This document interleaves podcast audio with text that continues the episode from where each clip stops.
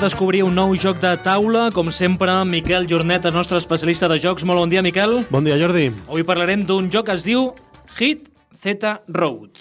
Correcte. És, eh, és un joc molt especial, eh, sobretot per la producció.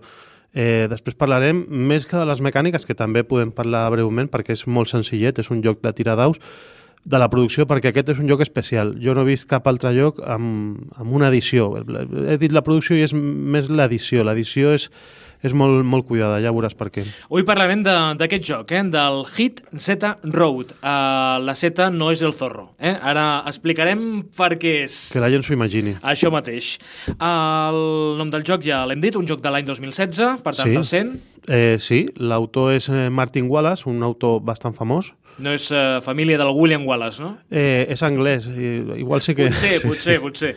El dissenyador, És, eh, bueno, el, el dissenyador és Martin Wallace i els artistes gràfics són diversos. Eh, hi ha Miguel Coimbra, que és, és, bueno, són molts francesos, eh, Pascal Quidó, eh, que són la crem de la crem, perquè aquest joc és un caprici d'edició, ja, ja veuràs per què.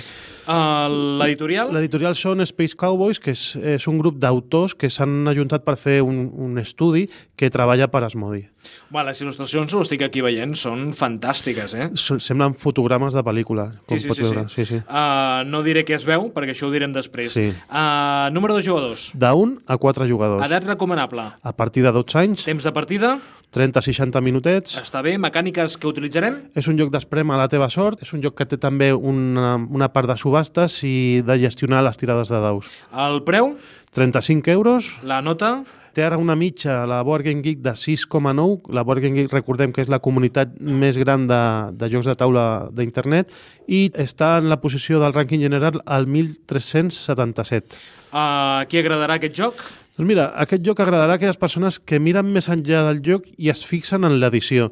Si aquesta edició dels jocs està també explicant una història, que en aquest cas ho fa, i també agradarà a aquells que no els importi l'eliminació de jugadors quan el tema està totalment justificat, que aquí el tema justifica l'eliminació de jugadors, i ara explicarem el tema. Tu ets partidari d'aquest tipus de jocs? A mi- On es van eliminant jugadors o d'aquells que, bueno, pots anar perdent però jugues fins al final? Mira, el típic que sempre se li aixeca el tema de que hi ha eliminació de jugadors és a l'Hombres Lobo de Castro Negro, que et quedes fora i t'has de quedar com un espectador. A mi això no em mola.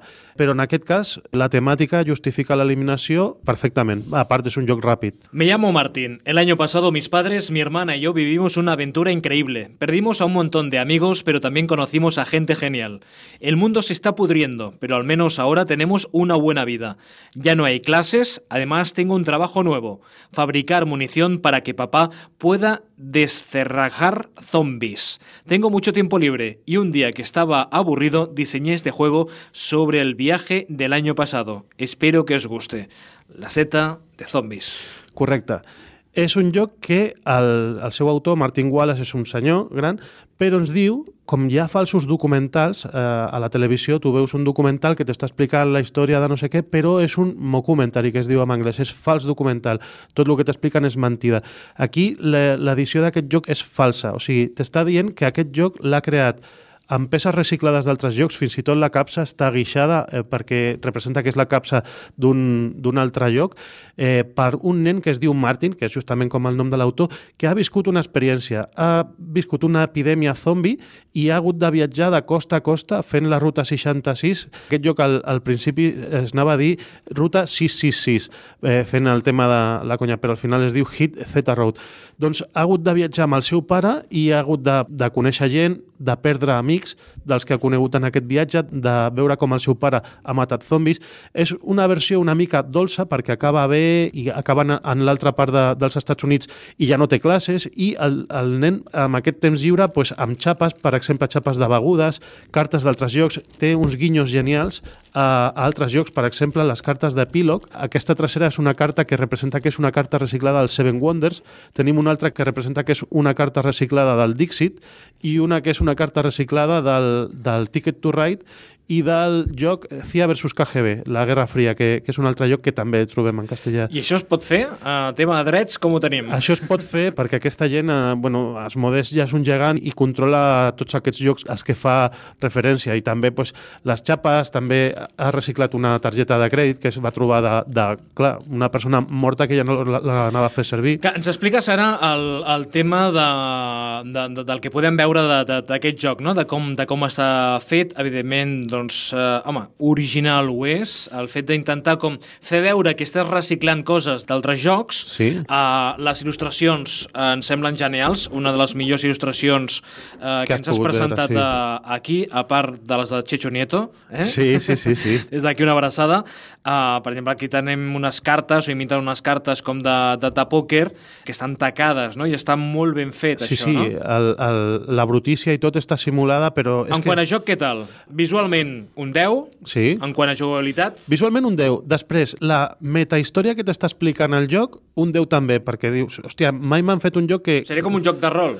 Sí, t'has de posar la pell aquesta. I després el joc, per lo que és, que és un tiradaus i que t'explica també una història i tal, està molt bé. No se l'ha de jutjar eh, com si sigués un joc d'aquests eh, per jugar i, i passar-te hores jugant, sinó que és un joc casual, per viure una, una experiència d'això, d'un escapament de zombis. I la gràcia de tot plegat és que tu vas agafant cartes d'aquestes, de, dels diferents tres mazos que hi ha, vas tenint també trobades amb zombis i amb hordes que són més difícils, les has de resoldre amb tirades de daus, tot i que tingui daus sí que és un joc que té sort, però la, la gestió i vas guardant-te les cartes que vas aconseguint passar i després les pots revisar i per mi això és com una mena de quaderno de bitàcora que és molt xulo perquè després cada jugador té la seva, la seva mateixa història. Fins i tot els que moren poden dir i vaig arribar aquí i vaig morir intentant robar una mica de benzina per posar el cotxe i ens van, ens van sortir uns zombis i allà vaig morir. En canvi, els que passen també eh, també poden explicar la seva història gloriosa, no? M'ha encantat la fitxa que representa, suposo, el zombi, no? Sí, clar, són, són fitxes molt... Representa que el nen ha trobat fitxes de tot arreu, fins i tot això, les fitxetes de benzina, d'estamina i de munició són, són com de begudes, no? D'una beguda que es diu eh, gascola, aquí sí que no han pogut utilitzar d'allò, una altra que es diu cold beer, i les d'estamina són com una be- beguda energètica, lògicament. Déu-n'hi-do, uh, recomanem aquest joc, Hit uh, Z Road. Sí, té una part petita de subhastes que és per veure qui és el jugador que tria primer un camí, perquè les cartes van representant quatre camins i els jugadors han de triar. Lògicament hi ha camins que són millors que d'altres. Aquí eh, gestionaràs els recursos, pagaràs més recursos per intentar triar primer, triaràs el camí que millor et convé o el que et deixen eh, triar els teus rivals i el camí que tries després has de resoldre les cartes i les trobades amb els zombis. El que són les instruccions, el reglament del joc està fet com si fos un quadern, eh? d'aquells de, un, un quadern que de l'escola. Eh? que ja no necessita, perquè ja no hi ha escoles, eh, aquest nen. Sí. Déu-n'hi-do. Doncs aquest és el joc que recomanem en el dia d'avui. Uh, un joc que destaca per ser molt i molt original en quant a la seva presentació i també la seva jugabilitat. I sempre uh, posem una cançó al final. Sí, posem una cançó, aquí seria fàcil posar Hit the Road Jack, però no, com és un tema zombies hem, hem posat una cançó de, de les millors que hi ha a la banda sonora de Walking Dead, perquè aquest joc és una mena de Walking Dead en joc de cartes.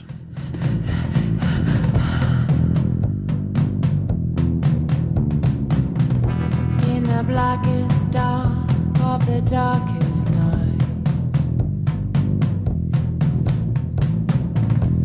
Underneath the glow of the candlelight. In the heat and the hot and the dark. Doncs intentarem doncs, jugar en aquest joc de zombis. Ens anem una mica posant en situació amb aquesta cançó que és de Paris Motel, que es diu Mr. Splitfoot in the Darkness Night, que és una de les que forma part de les moltes cançons de, de la sèrie de Walking Dead. Aquesta caixa de plàstic on hi ha els daus, això és teu, no? No, això ho he Producció posat pròpia, jo. no? Sí, sí, sí. Ah, si voleu guardar bé... Uh, per això haurien de tenir els jocs, no? De tenir dintre de la caixa llocs per... Uh, ben Això sí. dissenyats per posar les fitxes. L'inserto, que es diu, això ve bastant desparramat, ve amb no les t'hagis de bosses comprar una caixa de plàstic, eh? dels xinos. Sí. bon lloc per trobar... Per, trobar cosetes, coses. sí, sí. Ah, per agafar idees. El Miquel Jornet, la propera sí. setmana més, eh? Seguim jugant, sí. Anem a jugar amb els zombis. Vinga.